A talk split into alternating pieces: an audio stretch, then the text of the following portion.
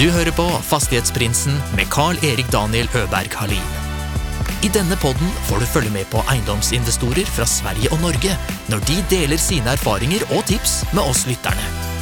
Gjestene er alt fra småbarnsforeldre med sin første enhet, til de mer etablerte haiene. God fornøyelse.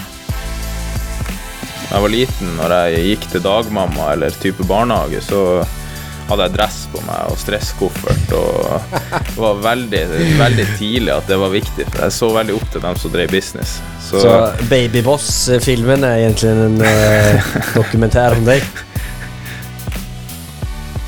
Veckans unga strateg la fotbollen på hyllan og bygger nu nya lägenheter for uthyrning i Tromsø. Det er ikke en så vanlig strategi i Norge, så hvordan får man til en sånn kalkyl egentligen? Tänker att vi lyssnar in veckans gäst, Fredrik Lunde Michaelsen! tusen takk, Daniel.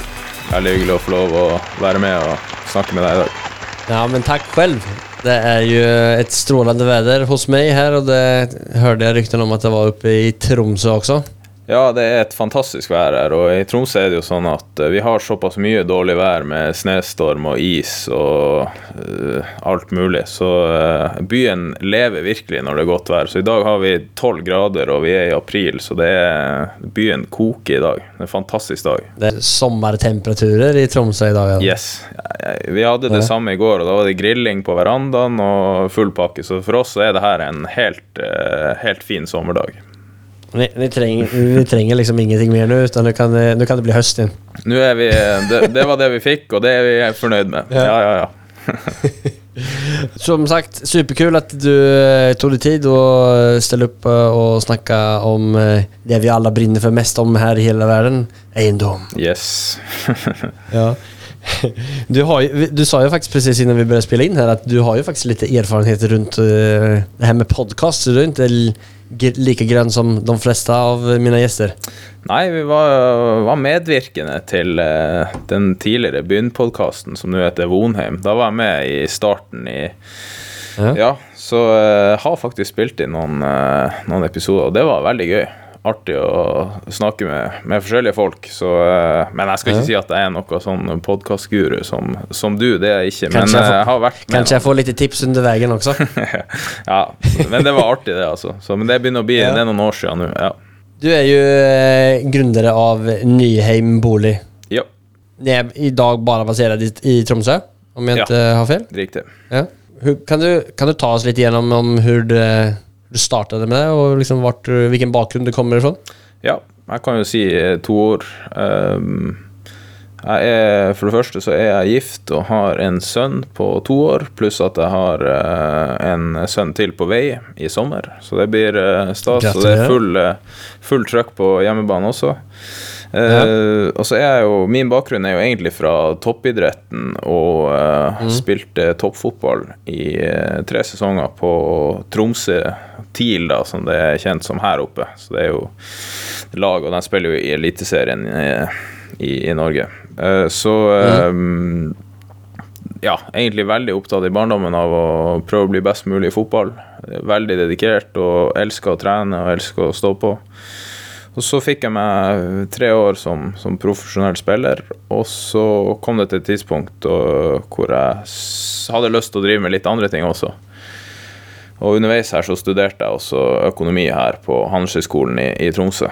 Så da eh, begynte jeg å tenke litt på det som gikk på hva jeg skulle drive med etter fotballen, og når det var rett for meg å gå over. Og for jeg har alltid vært veldig opptatt av det som går på business. Og når jeg var liten, okay. når jeg gikk til dagmamma eller type barnehage, så hadde jeg dress på meg og stresskoffert. Og det var veldig, veldig tidlig at det var viktig. For, og jeg så veldig opp til dem som drev business. Så Så Babyboss-filmen er egentlig en eh, dokumentær om deg? Ja, jeg likte å tro det. Jeg kalte meg sjef hjemme også, så det var eh, Så, så, så eh, tidlig så syntes jeg det var spennende med, med business og virksomhet og hvordan det fungerer og, eh, og sånt. Så, så begynte jeg nå når jeg var 12-13, så ønska jeg meg i julegave ønska meg en aksje. Så jeg ønska meg en aksje i Sparebanken Nord-Norge her oppe, som, eh, så, så, fokuset var tidlig der. Eh, og det er kanskje ikke helt tilfeldig heller. Jeg har en far som har eh, drevet alt fra restaurant til et større bakerikonsern som eh, er solgt mer og mer. Og så har jeg en mor som er lærer på Handelshøyskolen og førsteamanuensis der. Mm. Sånn at det har vært mange samtaler rundt middagsbordet som har gått på, på business og hvordan en god business funker, relatert til bakeriene, gode ting, dårlige ting. ja Mm. Så, eh, og det bunna da ut i at når jeg spilte fotball, så fant jeg ut at jeg hadde lyst til å rett og slett avslutte karrieren min og heller gå over i en ny bransje. Mm -hmm. Og da var det eiendom som sto meg nærmest. Og hadde da en idé om uh, å finne et segment, et veldig langsiktig segment, som en, en, bransje som ikke ville ha så store endringer foran seg. For hvis vi ser på veldig mange bransjer, mm. står jo foran store endringer i henhold til teknologi, miljø, klima. Det kommer til å føre til masse endring og disrupsjoner i bransjer og, og sånt. Så jeg ville egentlig gå litt andre veien. Jeg ville prøve å finne en bransje som jeg trodde kom til å bestå i hele mitt, min levetid, på en måte. Alle bransjer vil jo endre seg. Selvfølgelig teknologi mm. blir viktig, eiendom og ikke minst miljø og bærekraft blir viktig. Men folk skal fortsatt ha et sted å bo. Enten du leier eller eier, så må du uansett ha tak over hodet. Så, eh, så, Ja, liksom ikke samme endring som eh, Nei, eller det klart eh, oljen skal fases ut, og mange sånn Du aner jo ikke hva morgendagen bringer, mm. eh, sånn sett. Det eneste jeg tror på, er at vi skal ha et, et sted å bo. Og, eh, og, jeg er veldig langsiktig i min mm. tankegang. Eh, sånn at det passer meg best. Det, det, mine styrker blir best når jeg tenker langsiktig, og da må jeg gå i en bransje som jeg tror lever i, i over, uoverskuelig fremtid. Så da begynte jeg å tenke på bolig, og så uh, er det jo er det å være langsiktig, hvorfor skal man være det, da? Um, og da henta jeg mye inspirasjon fra, fra, Olav Thon og den reisa som han har gjort, naturlig nok. Mm. Og så er det noe litt som jeg sa, at det passer meg mye bedre. Det der å liksom flippe og gjøre de uh, mest eksepsjonelle dealene, det, det, passer ikke meg. Jeg tror ikke jeg bruker mine styrker best der. Sånn at uh, jeg har veldig tro på boligmarkedet over tid, eiendom over tid. Så eh, når du blir så godt kjent med eiendommen, når du vet historikken til eiendommen, når du har vært med og fiksa det, når du har ordna det på eiendommen, du vet de utfordringene som har oppstått, så syns jeg det er veldig dumt å selge det. For den kunnskapen er veldig nyttig å ha med seg. Mm. Men den innriktningen som de har valgt uh, å kjøre, er jo i Norge ikke altså helt tradisjonell, da mener jeg. Altså det er jo en uh, Deres innriktning er jo å leie ut nye mm. leiligheter. Ja, det, det, er jo det. Sånn, det er som du sier, at det her er jo litt utradisjonelt å gjøre i Norge. Og i, i min mm. by, da, som er, er, Tromsø, så er jo det tilnærma innovasjon. For at det finnes jo ingen andre profesjonelle utleiere i den byen her. Her er jo markedet dominert av sokkelleiligheter og mm. enkeltpersoner som eier flere enheter og, og, sånt. Det var derfor det på en måte hasta litt. At jeg, mens jeg studerte, så ville jeg iverksette denne tankegangen. Eh, og, og, og, begynne med mm boligutleie. Så i Norge er det jo veldig, egentlig ganske uvanlig. Så har du aktører selvfølgelig som er, er store, og særlig i Oslo og Trondheim har du aktører innenfor dette segmentet. Men eh, det er ikke mange av dem. Det er riktig, det. Tror du at det her segmentet, altså just uh, utleie av boliger der ambisjonen er at folk skal bo der en lengre tid, tror du at det har, liksom, har kommet mer for å stande i Norge enn hva det har vært tidligere? Om man jevnfører Sverige og Norge så er jo veldig mange som, uh, hyr, altså som leier i Sverige, altså som kan leie hele sitt liv. Mens i Norge så er jo den kulturen, alltså alla skal jo eie. Og så er det jo ikke alle som har råd til det så klart. Tror du at det er uh, folk og familier som kommer å, å, å velge å leie større utstrekning enn hva det har vært kanskje fram ja, til nå? det tror jeg. Uh, jeg tror det vil være flere som leier i fremtida.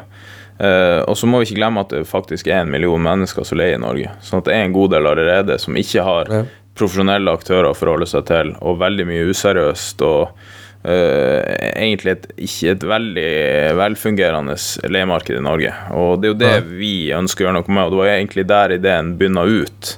Så, men jeg tror i tillegg at hvis vi ser litt fremover, at det vil være en økende andel eh, leietakere. Fordi at det er Man må ikke glemme at det er en del risiko forbundet med å være boligeier. Du tar opp stor gjeld, veldig mange gjør det. Um, du har et ansvar for drift og vedlikehold. Uh, du har ting som kan oppstå. Uh, du har egentlig lånt veldig mye på eiendommen, og du er også ansvarlig for at eiendommen skal være i henhold til den verdien som du har presentert for banken. og Skulle det oppstå noe, så Du har egentlig et veldig stort ansvar. Og jeg tror ikke på sikt at alle har lyst til å bære det ansvaret, både med gjeld og, og, og den driftsbiten. I tillegg så tror jeg at den yngre generasjonen er noe mer fleksibel og er glad i å oppleve ting, glad i å reise. Kanskje ikke så statisk. Kanskje man vil være bo et år her eller bo et år der. Så, da, men da snakker du mer om Da har du ei gruppe i leiemarkedet som kanskje er litt mer midlertidig. Ikke de leietakerne som vil leie i 20 år pluss, da. Nei. Men ändå sådana som setter krav liksom, alltså, för ni har ju en in inriktning eh, av å ha nye leiligheter som, som sagt og en høyere standard. Ja, vi vil, eh, vi, vi vil ha høy standard i både eh, på, Boligene våre skal være av eh, veldig god kvalitet. Vi trenger ikke bare å kjøpe nytt, selv om vi har gjort det til nå. Men eh, vi har ikke funnet noe som har tilfredsstilt den kvaliteten vi ønsker å ha av eksisterende eh, boligmasse. Og så eh, har vi veldig veldig høy kvalitet i forvaltninga. Vi har et veldig sterkt kundefokus, og det i seg sjøl er jo nesten det å kalle en leietaker for kunde kontra å si leietaker i Norge, er jo nesten innovasjon. For det er jo ikke, det er ikke mange selskap som, som driver med det her, og mange som gjør det. Sånn at vi er jo opptatt av at leietakerne våre skal være fornøyd med oss.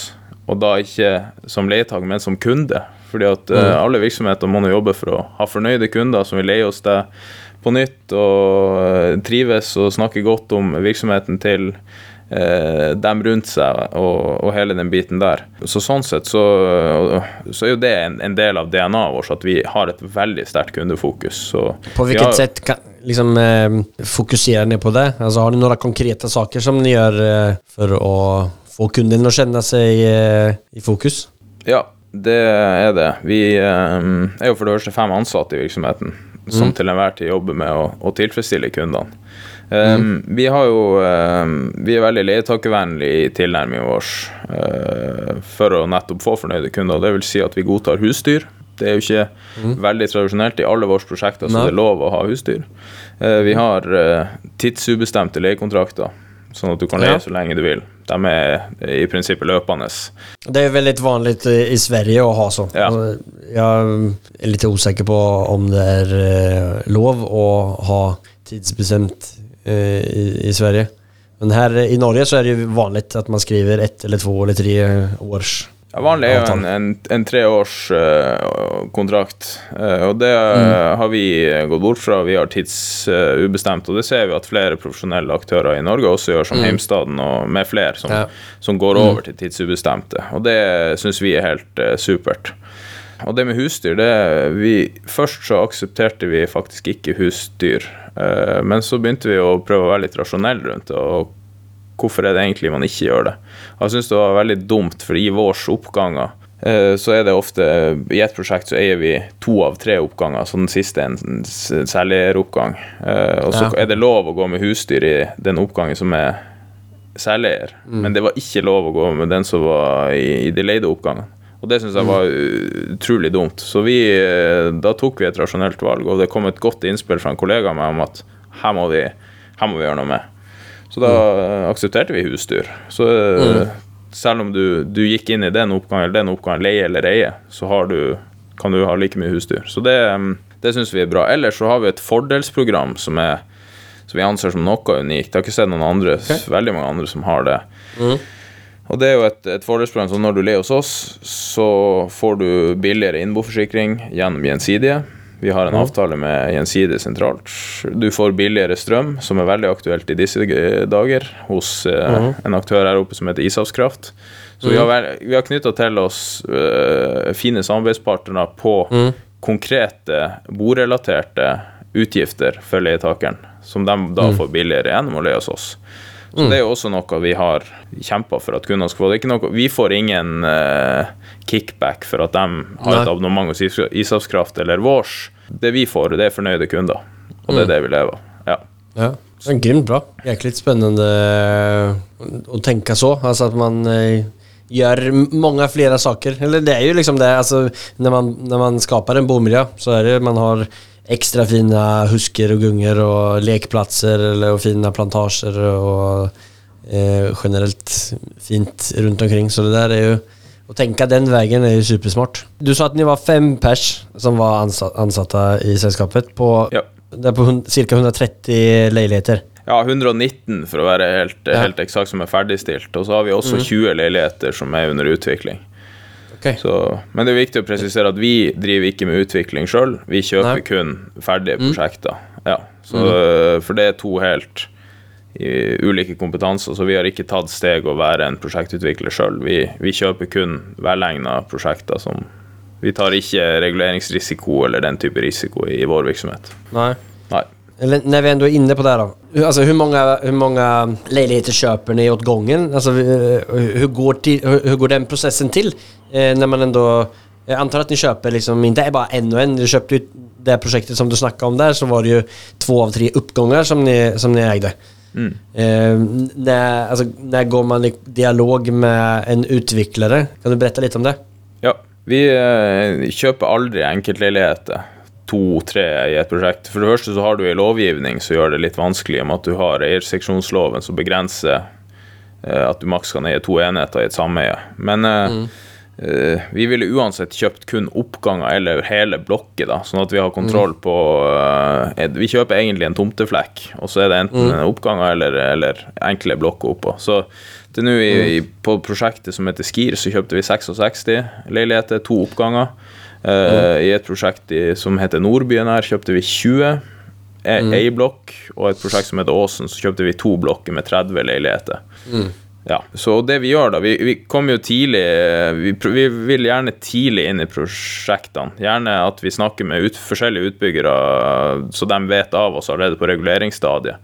Sånn at de kan regulere inn ting til oss, i et, i, gjerne i større utbygginger hvor, hvor utbyggerne kan slippe byggetrinsoppdeling eller sånt, hvis vi kan kjøpe 50-100 leiligheter i prosjektet. For eh, skal vi klare å oppnå gode priser og være en attraktiv samarbeidspartner for utbyggerne, så må jo de også få en, en gevinst av det. Og det er gjerne at de slipper byggetrinsoppdeling, eller at de kan selge unna mye raskere enn en ønskelig. Så, så da går vi tidlig i dialog med dem, og så blir vi enige om rammen og sier at vi har, noen, vi har et kravspekk, vi ønsker det noe sånt som det. Vi ønsker mm, enstavs laminat i leiligheten hvis vi er så detaljert, og vi ønsker en miks som er toroms sånn og sånn. Vi liker de planløsningene sånn og sånn. Og i, i samarbeid så, så finner vi, finner vi velegnede prosjekter. Så, så det er egentlig prosessen når vi leter etter eh, caser. Vi snakker med veldig veldig mange utbyggere og ønsker gjerne kontakt med, med flere. Altså, for det, det er der vi også gjør mye av eh, forvaltningsarbeidet. Det er å finne rett leilighetsmiks ut ifra hva som etterspørres osv. Så videre. Så spennende. Så, men altså, en sånn utbyggere de, deres tanke i første omgang det är vi skal sette upp eh, 60 leiligheter. Og, selv, och då det i huvudsak til oss liksom som selveier eller andelsleiligheter eh, som da skal selges. Og så i det tilfellet som du nevnte der, så har, har ni da blivit enige om at ni kjøper typ to oppganger av tre och så säljer han, eh, eller utbyggaren då vidare den tredje oppgangen leilighet for leilighet. Vi vil gjerne inn før den tid. Vi vil ikke at Ja. det skal være et selgerprosjekt når vi kommer inn. Nei. Vi vil helst at vi har ei tomt der. eh, hvis vi får regulert inn det og det, så eh, Hvis dere oppnår å regulere det inn Man Mm. kan jo ikke bare velge regulering hva man vil. Det, det vet nå de fleste utbyggere det er jo en, en vanskelig prosess. Men eh, hvis vi får til noe sånt i det området der, så er det Mm. veldig aktuelt for oss. Det å komme inn på et prosjekt i ettertid, når leilighetsmiksen kanskje er designa ikke Mm. optimalt for utleie, det, det ønsker vi i mindre grad. Da må i så fall Mm. prisen være veldig eh, tiltalende for at vi skal, skal gjøre det. Så vi vil veldig veldig tidlig inn for at det, det skal være optimalt designa for utleie. For vi, jo, vi har jo et evighetsperspektiv når vi først går inn og kjøper. Vi vil jo ikke selge det. Så da må vi være veldig nøye med at det er rett miks, det er et solid prosjekt, det er, en, eh, det er gode kvaliteter i prosjektet, Og så videre. altså, når man kjøper det på det stadiet der Jeg vet ikke om du kan svare på følgespørsmålet, här, men det, får man rabatter av utbyggere da? Det håper jeg man får. Ja, det er klart. Det, det må vi nok kunne si at man Altså, du, hvis du kjøper eh, fem par joggesko, så pleier man jo å få, få det siste paret noe rimeligere. Eh, sånn at eh, Og det er jo også noe for utbyggere å spare i prosessen. Salg og markedsføring kan de jo trekke ut. Meglerhonorar kan man trekke ut. Sånn at eh, Men Og säkert eh, om finanskostnader og sånt om man slipper å ha dele opp til ulike byggetrinn. byggtrinn. Ikke sant. Ikke sant. Sånn at eh, Men å andre siden går ni, blir, går ni in, alltså när man köper det, då blir ju ni, eh, ja, i och för sig, alltså då kommer ni in med egenkapital i en større klump, altså, som gjør at prosjektet kommer jo i gang mye tidligere. Ja, det er nok sånn vi oppnår det det vi også mener er gode dealer. Så, Men jeg skal ikke si at vi Det å, å kjøpe nye boliger i Norge med høy byggekost, med høye tomtepriser Vi ønsker jo å være på attraktive beliggenheter eh, med kort reisetid enten til arbeidsplasser eller til sentrum. Og da går vi ikke rundt og gjør sånne kjempedealer. Det, da tror jeg ikke vi hadde gjort Vi hadde ikke hatt mange boliger hvis vi hele tida skulle gjort uh, sånne super, supergode dealer. Vi kjøper ganske markedsnøytralt, men med en, en liten rabatt eller en den, det er jo den, Vi vil jo gjerne ha den så stor som mulig, men det er ikke alltid vi klarer å oppnå en, en veldig veldig stor rabatt. Men eh, det, er sånn vi, det er sånn vi jobber. Og I og med at vi er så langsiktige, så kan vi også jobbe på, på det viset. Vi, skulle vi ha solgt boligene igjen om to år, så måtte vi kanskje vært mye mer bevisst på at vi ja, skal komme inn på et lavere nivå, eller vi må ta de og de usolgte leiligheten. Vi er mest opptatt av at leilighetsmiksen skal være god, for det er det som gjør om at vi klarer å holde utleiegraden høy, og at kundene våre blir fornøyd.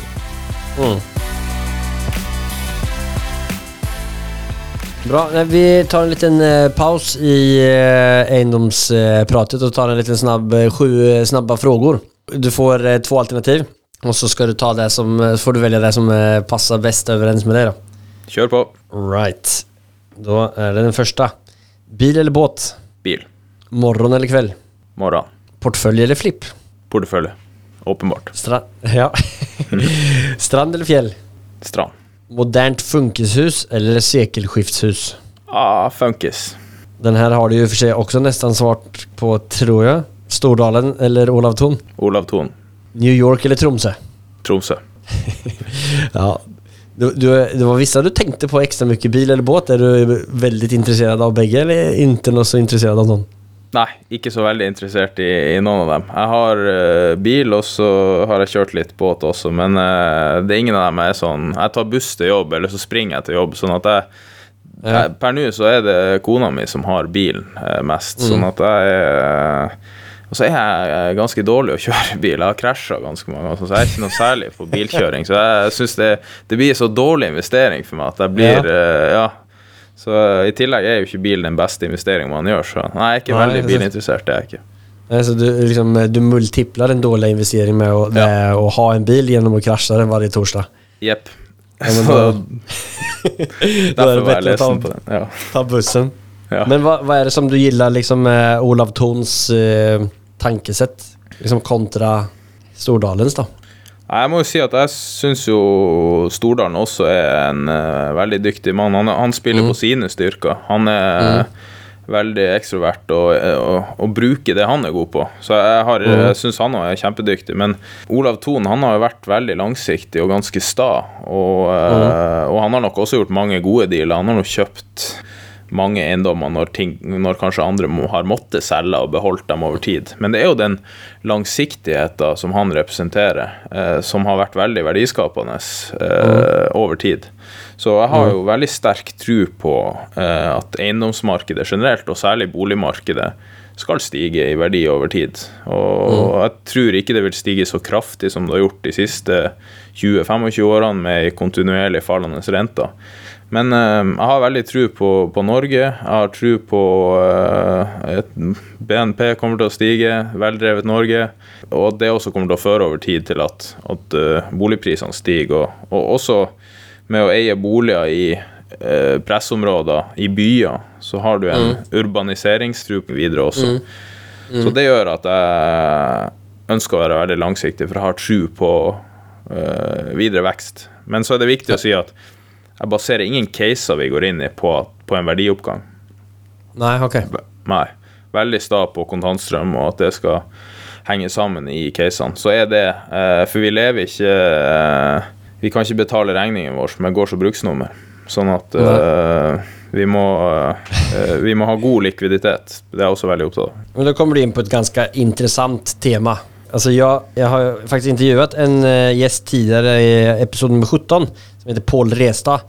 Du, du, nämner, eh, du nämner mycket om eh, cashflow och att det är det som är det viktiga. Och han, han har sina meningar om, om, det också men liksom, är det möjligt att uppnå cashflow i nybyggda hus?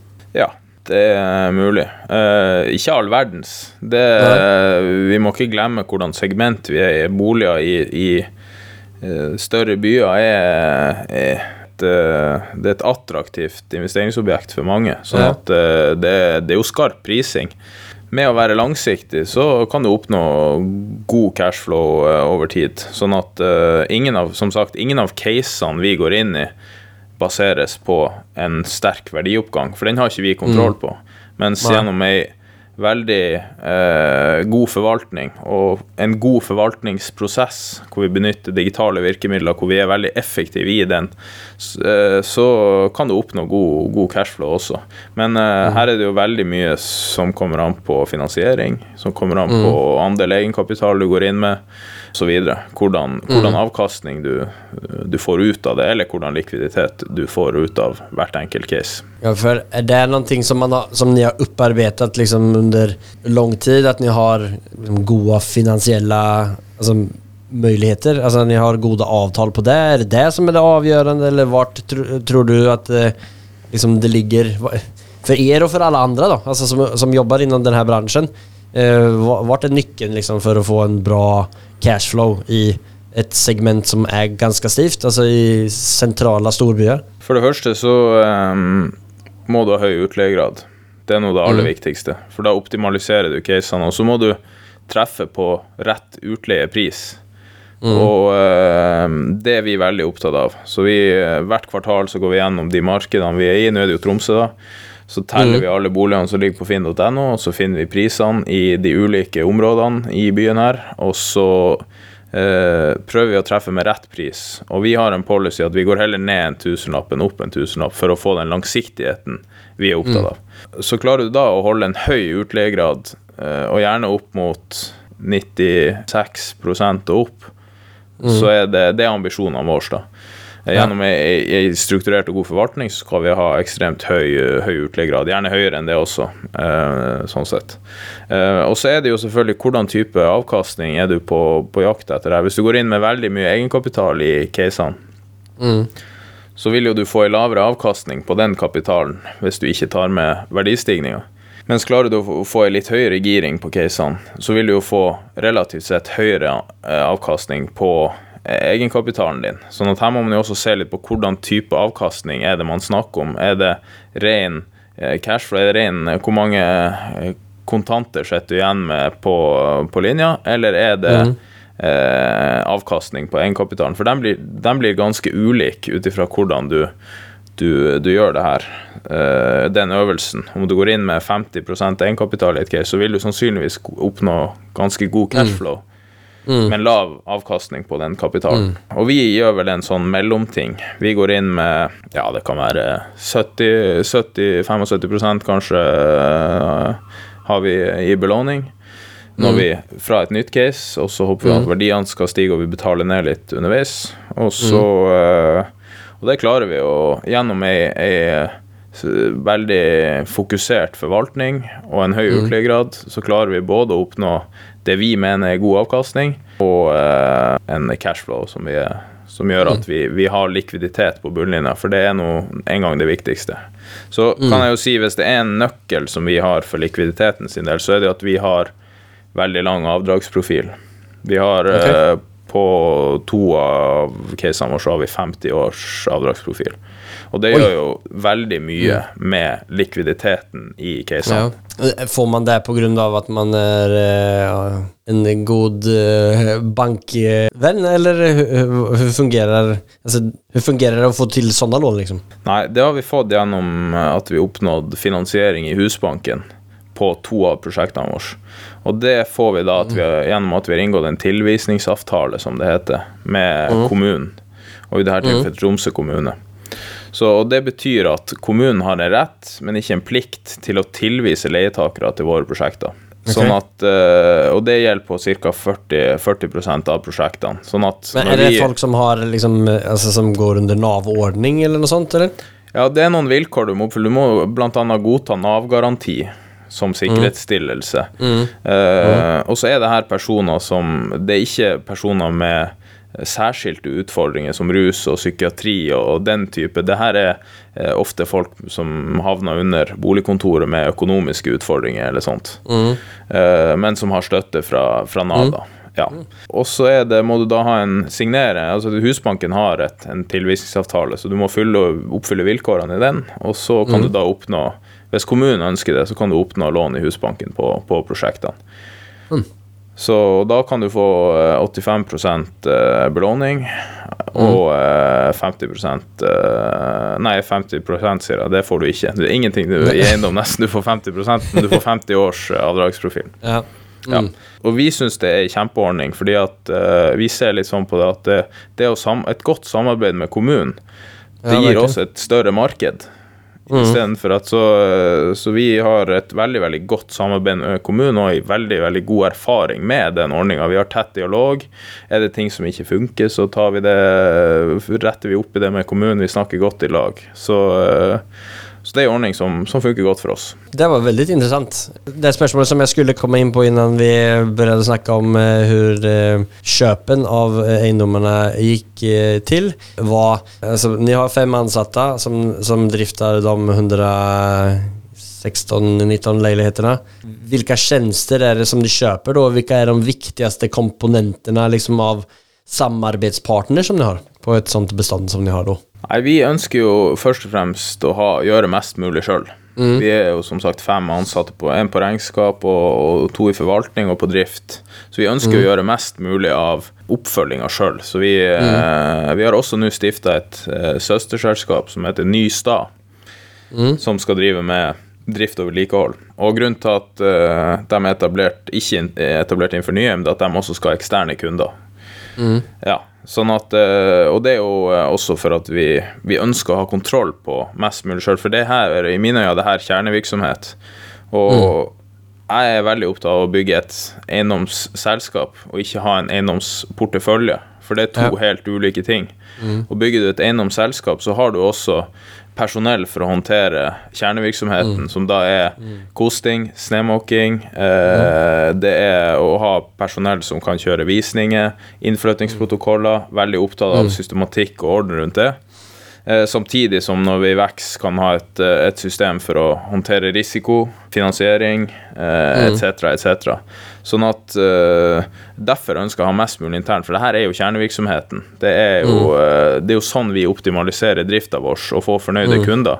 Det er jo gjennom å være tett på kundene, at ikke vi må ha en leverandør som plutselig er hos en annen kunde, som ikke kan røkke ut når det er eh, noe som oppstår. Så har vi det veldig lett tilgjengelig og kan, kan bistå kjapt til, til leietakerne. For det er jo sånn å drive med boligutleie, det er veldig mye ting som oppstår.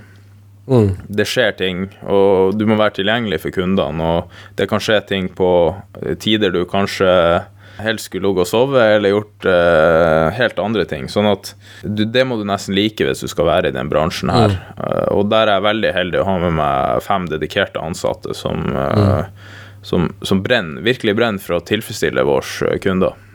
Är det lika mycket som sker i eh, nybygg som i eh, gamla bygg? Eller hva Ja, er det typ av problemstillinger som skjer der? där? utrolig mye som skjer i nybygg også. Eh, og så har du den utfordringa at du, du har en del reklamasjonssaker overfor utbygger. For det er nå alltid sånn at det er ting som, Ja. som ikke var optimalt fra, fra prosjektene ble ferdigstilt. Så må du da balansere med at du skal få utbedra det samtidig som du har en leietaker som bor i, i leiligheten. Men det er noe, det er noe alltid ting som oppstår, og særlig når du har et, et volum, så er det ting som skjer. Sånn at, og det kan være, det kan være småting, det kan være ja, ting som er veldig lett å løse, egentlig, men som, uh, som man må dra og se på. da. Å, for å svare på det, så er det en god del ting som skjer. Ja. og sånne samarbeidspartner, da, eller ni sa at, du hadde, att ni hadde en som er ansatt på regnskap. Er det, skal jeg si, innom gåstein, altså lure lureting eh, som man gjør med avsetninger eller med altså, lovlige saker såklart. Jeg mener bare liksom det her planering av eh, kostnader og eh, alt det her for å gjøre det så effektivt som mulig. Eh, er det noe som ni tenker noe på? Eller eh, har du noen tips innenfor det? Nei, altså vi, Du har jo en veldig lang kundereskontro, kunderestkonto, hvis du kan si det sånn, når du driver med utleie. Sånn at du har jo, Hvis det er noen som ikke betaler husleia, så vil du jo få eh, mange og kanskje små utestående beløp som du må ha kontroll på. Nå finnes det heldigvis gode digitale systemer for å håndtere mye av det her, som vi bruker, og er veldig opptatt av å prøve å implementere det som et ungt selskap, at vi er, har de, de gode teknologiske løsningene.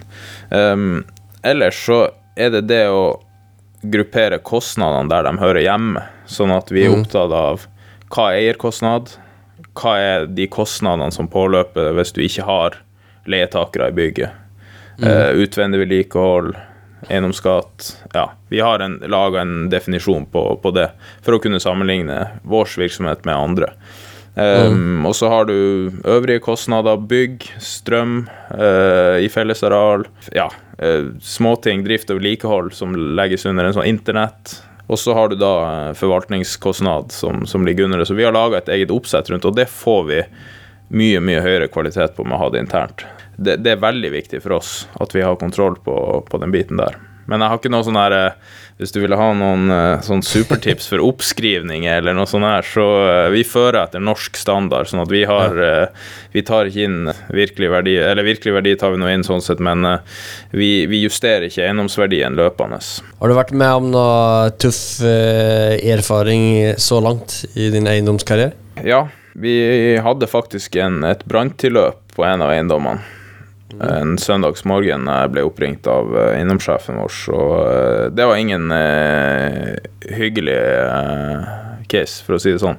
Men heldigvis gikk det fint. Det var ingen uh, personskader. Det ikke Det var kun ei leilighet som, som fikk Vi har jo sprinkler. Det er jo igjen en god grunn til å kunne ha nytt. Det er jo sprinkleranlegg som er påkrevd i, i alle prosjektene våre. Så sprinkelen tok jo tilløpet med en gang. Men det ble jo store konsekvenser med tanke på vannet som kom ut. Jeg er veldig, øh, veldig opptatt av å utvikle seg og ha et utviklingsfokus. Sånn at selv om det er ganske mørkt og Eller jeg skal ikke si mørkt direkte, men det er jo det er jo ikke en artig situasjon å stå oppi, så er det veldig veldig mye fint man kan ta med seg fra det. Hvordan håndterte vi det? Eh, hvordan var, gikk informasjon? Hvordan informasjon fikk leietakerne? Eh, Og vi har gjort store revisjoner på bakgrunn av det vi erfarte da. Ok. Så, og det prøver jeg i alt jeg gjør, egentlig, å ha et, et sterkt utviklingsfokus. Og det har jeg helt fra, fra idretten. Det, det er ikke så veldig mye feil, egentlig. Du, kan, du kan lære av det meste. Og det gjør også at hvis du, ja, hvis du, hvis du går på en smell, så, så, er det, så, kan du, så er det en veldig veldig fin kilde til å lære noe, kontra at du eh, går veldig langt ned og blir veldig skuffa eller sånt. Så jeg tror av og til de, de andre i organisasjonen blir litt lei av å høre jeg snakke om utvikling, utvikling, utvikling. Ja. Ja, men det, det, det, kommer det det fra seg idretten, tror du eller? Ja, det kommer nok fra idretten. Jeg hadde en opplevelse når jeg kom opp på A-laget til, til Tromsø, hvor jeg var, jeg var litt nervøs, stressa. Merka i spillet mitt så begynte jeg å gjemme meg litt. Jeg ville ikke ha ballen. Og da tenkte jeg at det, fortsetter jeg sånn her, så får jeg i hvert fall ikke være her. Da, må jeg, da blir jeg kasta ned på juniorlaget igjen veldig fort. Så neste trening da, så fant jeg ut at nei, jeg skal bare jeg skal være meg sjøl. Jeg skal be om ballen hele tida. Jeg skal styre spillet akkurat som jeg pleide å gjøre på juniorlaget. Og hadde, jo- presterte jo på et helt annet nivå enn det jeg gjorde. Eh, og det, det ble en sånn liten uh, eye-opener for meg. Ok. Eh, og det jeg, tok jeg også med meg når først, eh, jeg skulle starte første kampen i Eliteserien. Så kjente jeg på nervene litt i tunnelen, men så var det bare det samme at jeg, eh, ja, jeg kan gjøre så mye feil jeg vil. Jeg kan slå pasning på tvers, og det skårer selvmål om så, men det, uansett så blir jeg erfaring rikere og kommer til å lære av det. Så jeg blir, mm. blir bedre og bedre. Og det, det er nok litt av drivkrafta mi. Bli bedre. Prøve å bli så god som, som jeg klarer. Ja men det er man väl eh, nødt til om man ligger, om man er på en høy nivå. Hva, vart, eh, vart ser du Nyheim eh, bolig i framtiden? Jeg håper vi kan um, skape så mange trygge hjem som mulig i først nå i flere byer i Norge, og så håper jeg etter hvert vi har vært gøy å vært i noen flere land også. Men eh, nå skal vi ta én ting først. Sånn at vi er jo aktivt på jakt nå etter å ekspandere til en ny by, så vi ser mye på caser i, i andre, andre norske byer først og fremst nå. Sånn at drømmen er å bygge et, eh, et eh, eiendomsselskap som, som fungerer godt og har en, en, en flott organisasjon og en, leverer mange trygge hjem til kundene våre. Har du ambisjoner om å gå på børs? Eller ikke gjort noen tanker rundt omkring det? Jo, jeg har gjort noen tanker rundt det, så ja det, det må det i så fall være. Det kunne vært eh, hvis, det, hvis det er rett for oss å gjøre det på et tidspunkt, så det er ingen tvil om at det har holdt på en veldig kapitalkrevende. Sånn at mm. det er jo Særlig for eh, kapitalsituasjonen vår. Hvis skulle det kommet en, en situasjon hvor det er rett, så, så kan det være at vi, vi vurderer det. Men eh, det er ikke noe vi eh, vurderer akkurat på, på nåværende stadium. Nei. Supert. Vi hopper videre til vårt neste segment som heter Affærsanalyse. Det er det segmentet gjør vår gjest til og med som en gjennomført affær It has not been easy for me. And, you know, I, I started off in Brooklyn. My father gave me a small loan of a million dollars. Affärsanalysen. Er det någon speciell deal som du har tänkt ut att dela med dig om? Ja, det er det. Og um, vi har jo et prosjekt som vi overtok for to i januar, som heter Skir her i Tromsø. Som ligger rett sør for eh, Tromsø sentrum. Uh, og det prosjektet hadde jeg lyst til å si litt om. Uh, og for det første så er jo det et prosjekt som uh, det var ikke tiltenkt et, et utleieprosjekt fra, fra start av.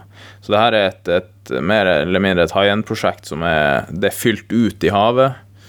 Det er tolv etasjer høyt. Det er Oi. 60 meter gressplen foran. Det er kajakkoppbevaring. Det er eh, skibod. Eh, Det er egen promenade rundt, så det er masse kvaliteter i fellesareal og uteområder som kanskje ikke er eh, i de tradisjonelle utleieprosjektene hvor det er. Så det å klare å skape et Det å kunne tilby hjem til vårs kunder på Skir, det, det fant jeg tidlig ut at det hadde jeg ekstremt lyst til å prøve å få til. Den avveininga gjennom det, det prosjektet der, hvor vi også jobber mye med planløsningen, for det er ikke et, et utleieprosjekt fra start av.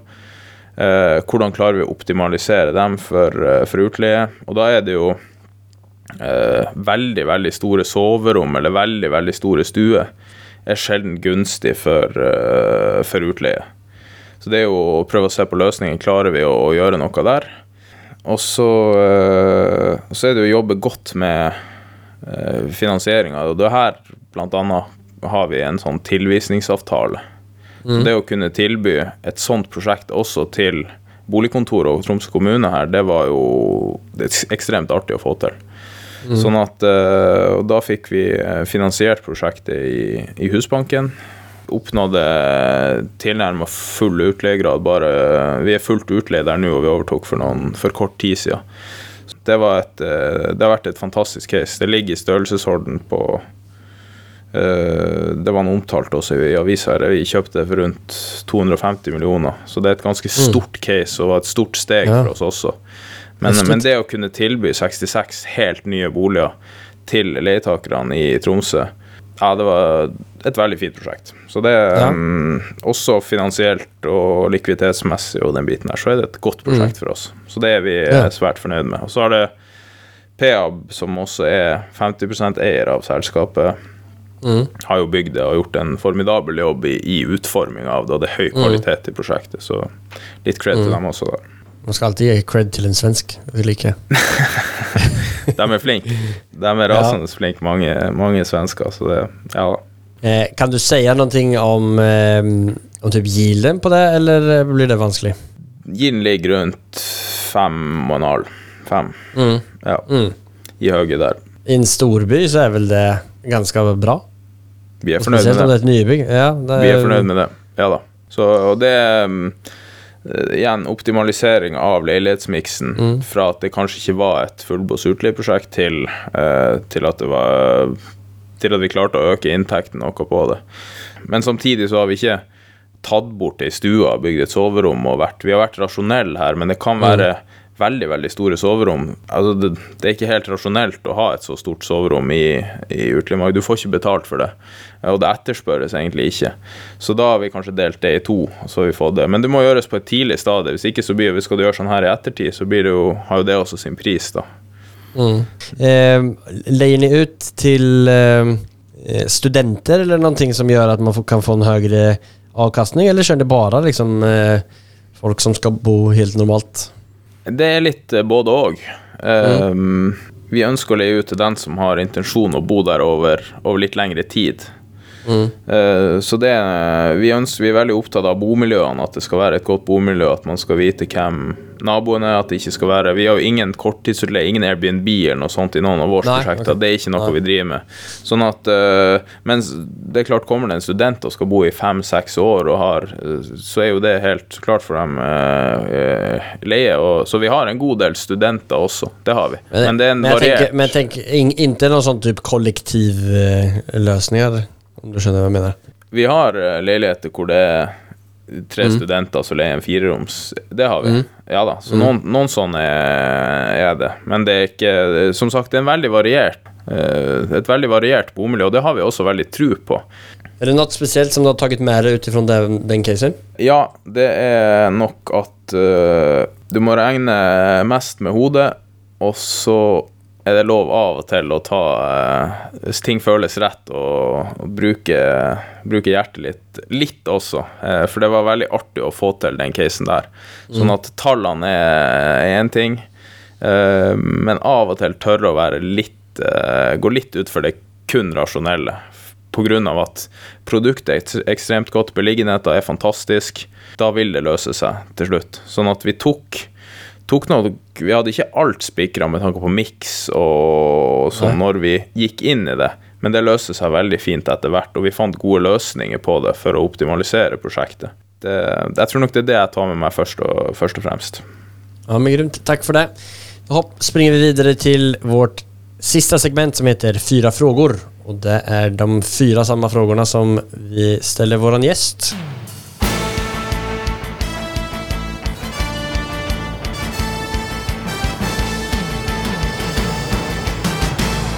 Cuatro preguntas.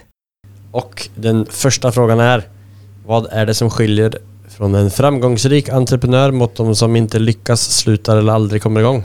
Ja, jeg vet ikke om jeg er Om jeg har noen sånn bedre forutsetninger for andre å svare på akkurat det. Eh, Men jeg tror eh, noe av det viktigste er at man må ikke gi opp. Du må eh, være litt sta og stå i det du, det du kommer i. Det er mange ganger jeg har tenkt eh, Burde jeg kanskje gjort noe annet? Burde jeg eh, Aksjer er jo spennende, eller det er spennende. Eller, så det, du blir veldig påvirka av omgivelsene. Men det å være sta og stå i det og tenke Jeg har vært veldig fokusert på det. Jeg ønsker å bli ekstremt god på akkurat det jeg holder på med. Boligutleie, boliginvestering. Å være sta på å holde seg til én ting, det, det tror jeg er viktig. Du må ikke, du må, du må ikke gi opp. Nei, det er mange som, eh, som svarar eh, liksom runt omkring i det att det handlar om att vara uthållig och inte ge upp och ha fokus på, på mål hela tiden. Så ligger, ligger, något, eh, ligger något i det. Jeg tror det er lett å bli påvirka av uh, særlig i media å lese om at bitcoin uh, har hatt en fantastisk reise, eller uh, Ja. den og den grønne aksjen burde man vært i, og at du da tenker at det Kanskje jeg skulle gjort det, kanskje jeg skulle gjort det. Jeg jeg missa noe her. Men mm. sånn vil det være i alle bransjer. Sånn at det å stå i vanskelighetene og heller prøve å løse dem, og også om du skulle feile, da, ja vel, så er du i erfaring rikere. Det er ikke det verste. Liker din innstilling. Ja, men takk for bra svar der. Andre frågan. Om alle eiendommer, fastigheter altså, var tilgjengelige for deg Om penger ikke var motivasjonen. Hvilken eiendom hadde du da forvervet, og varför? Det tror jeg faktisk ikke er noen spesielle eiendommer. Det er veldig caseavhengig. Hvis jeg finner en, et godt case, særlig er jeg opptatt av en, en ekstremt god beliggenhet eh, som tilfredsstiller ei fornuftig avkastning og har god likviditet, så er jeg fornøyd med det. Jeg vil ikke jeg har ikke noen sånne følelsesmessige eiendommer som jeg tenker at den og den og den ville vært ekstremt spennende. Så jeg prøver å være veldig rasjonell i utplukkinga der. Ja. Så jeg tror du får dessverre et kjedelig svar på den. ja. ja, men det er lov å være kjedelig ibland. Har du et bra boktips for en som er interessert i eiendomsinvesteringer? Jeg er faktisk veldig veldig glad i å høre på podkast, så mm. jeg er nok mer en podkast-type. Og der har jeg Ja. mange. Blant annet ja. så hører jeg mye på din pod også, sånn at eh, Ja. Det var eh. Jeg ville bare hørt på masse eiendomspodder, og det har jeg lært fantastisk eh, mye av. Har du noe mer podcasttips da Enn eh, denne ekstremt bra podcasten? Ja, jeg syns eh, eiendomspodden til, til Newsec, den, Mhm. den er veldig bra.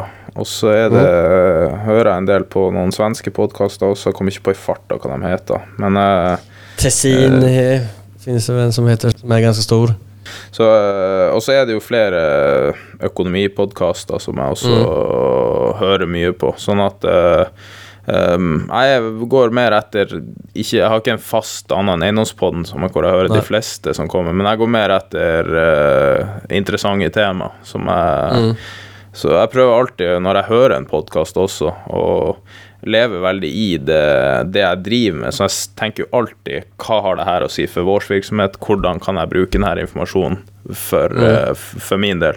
Sånn at eh, ofte når jeg hører, så er jeg ute og springer, springer til jobb, eller jeg er veldig glad i å trene. Så tenker jeg at uh, hva har det her å si for oss? Og da har det kommet, ført til mange interessante ideer. Det har fungert uh, godt for meg, og jeg liker det godt som inspirasjon. Ja men det... ja, Precis så fungerer jeg også. Altså, det er litt derfor som jag eh, sitter og prøver å skapa det her, så at både jeg og alle andre kan kanskje finne en liten pusselbit som passer bra ihop med, med det som de håller på med. Mm. Vi snakket jo om det her innan også, at man det är, man kan jo hitta noe i noen som håller på med noen innriktning som er helt olik enn hva den du håller på med. Men du hittar kanskje en tankesett som, de, som du kan implementere inn i, på finansieringen eller eh, struktureringen av noen ting, eller hvordan du skal ta hand om dine kunder eh, på et annet sett. Så godt å høre at fler tenker likt. Fjerde spørsmålet og siste. Nevn det mest storartede, morsomme, minnesvärda sättet som du har feiret en gjennomført affære eller seger på. Oi, oi, oi.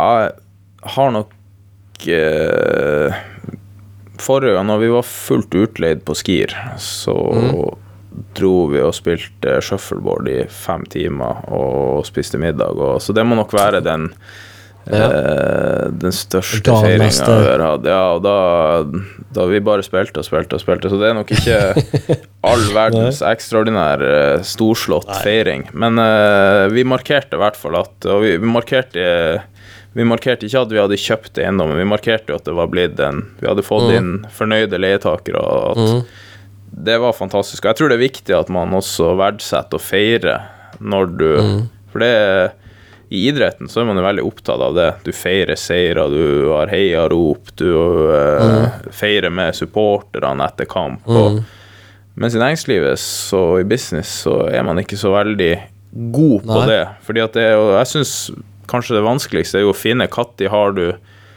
seirer. Fordi at du, du har alltids risikoer videre. Det er jo ikke sånn at når du har gjennomført noe, så er du ferdig med det. Eller det her er jo et løpende eh, Det, er jo, det her er jo en eh, evigvarende maraton, nesten. Så når finner du den der eh, Nå har vi lyktes. Nå har vi fått til noe. Så jeg syns det, det er litt vanskelig. Men jeg tror man skal være flink der og feire de små seirene. Og vi har ei Snapchat-gruppe som når vi signerer leiekontrakt, så feirer vi det der, eller at vi Ja, sånn at eh, Så, så det tror jeg er fint. intressant at du sier det. Altså, at både den, at dere ni firade det når dere får signerte leiekontrakter, og at ni eh, eh, markerade det at bygget var utleid. Eh, så klart at det er jo en stor lettnad når noe blir utleid, men i og med det, eh, som, du, som vi har snakket mye om, at ni har et stort kundfokus så det der understryker egentlig enda mer at det faktisk ligger i deres DNA at det er det som er det viktigste, og at ni er en utleier, at ni tar hand om kunden. Liksom. Det er godt å høre. Det, det er litt Ja. av tanken også. Det er ikke, selv om vi hadde overtatt prosjektet, så var jo jobben var jo nesten ikke begynt. Vår jobb begynner jo så snart vi har overtatt. Så vil vi ha en folk så hurtig som mulig, men med så høy kvalitet som mulig. Den skal få full opplæring i leiligheter. Sånn funker ventilasjon, sånn funker komfyrvakter. Eh, så vi jo, ønsker vi gjerne at de skal leve på et bærekraftig vis. eh, og prøve å påvirke leietakerne våre til å ta bærekraftige valg. Så her finner du Vi setter ut poser for kildesortering, det finner du der i det skapet. Eh, sånn her styrer du ventilasjonen. Hvis du drar ut, så tar du den ned til det nivået der. Da bruker du mindre, eh, og så videre og så eh, derfor er det ganske hektisk når vi overtar. Så det er mange som har jobba veldig, veldig mye eh, i en periode nå, fordi at vi har overtatt 86 boliger på tre måneder. Ja. Får, ja, det förstår jag. Och fått leiden ut. Det är riktig riktigt bra jobbat. Du nämnde tidigare att ni var på väg att liksom se på några andra byar eller några speciella deals eller några speciella städer, alltså byar som du vill säga att ni är intresserade av? Ja, vi eh, går helt klart mot de, de større byene. Jeg tror ikke vår virksomhet er godt egnet på, på småsteder. Så. Eh, Stor-Oslo, Stavanger, Bergen, Trondheim er byer vi, vi ser på i disse tider. Så eh, hvis noen har eh, noen interessante caser der, 20 leiligheter pluss i, i et prosjekt, eh, så eh, hit me up. Det rekommenderer jeg alle å ta kontakt med. Så alle utbyggere eller tomteeiere eller noen som har et kul spennende prosjekt, så er det bare å ta kontakt. Og hvordan tar man kontakt med deg på beste sätt? Det kan du gjøre enten på mailen min, eh, fredrik.nyenbolig.no, eller så er jeg på Instagram og LinkedIn. Ja, supert. Men da lenker vi til det i beskrivningen her. Eh, och så hoppas vi at eh, vi får en full inkorg eh, i løpet av eh, de kommende timene. Superbra. Eh, om du skulle passa videre mik- intervjumikrofonen til noen bransjekollega, som, eh, hvem hadde du kastet den videre til da? Erik Selin. Erik Selin ifrån Baller, ja. Han hade varit väldigt spännande och spännande att intervjua. Så det är fint att du kastar den så långt som över gränsen. Det tackar vi för. ja, men bra. Har du ett sista tips till alla nya investerare? Ha det gøy. Finn noe du virkelig brenner for. For det, det har i hvert fall vært min. Jeg er ekstremt interessert i eiendom. Jeg hører alt, jeg leser alt.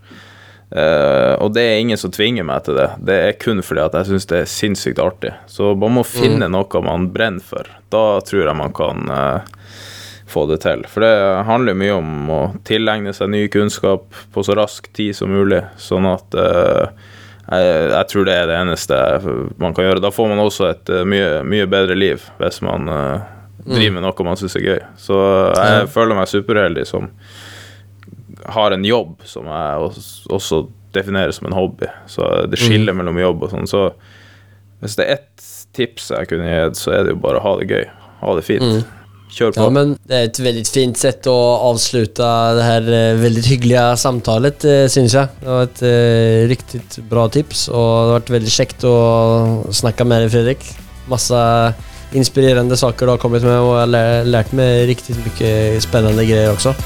Jag hoppas att ni eh, som lyssnar också har gjort. Takk for det, Daniel. Hyggelig at jeg fikk lov å være med. Tack så mycket, men då, får du, då ska jag släppa dig fri. Så får du springa iväg så hörs vi. Ha det Vi bra. hørs. Hei. Jag tycker det är riktigt kul att höra hur Fredrik lägger fram det om de som hyr av honom. Det är kunder och inte hyresgäster. Intressant också samarbetet som de gör med kommunen som öppnar upp för riktigt fördelaktiga lån med Husbanken. Riktigt lärorikt och imponerande av Fredrik och Co i Nyheim. Tack alla ni som lyssnar. Vi uppskattar det supermycket. Har ni vägarna förbi applikationen Instagram så får ni väldigt gärna följa oss där. Skriva till oss om ni har några bra tips och spännande gäster. Kanske ni vill samarbeta med oss eller bara se bilder på våra projekt. Eller kanske gå in och dregla lite på våra snygga gäster. På sosiale medier heter vi Fastighetsprinsen. Tusen takk tack för idag. Adjem!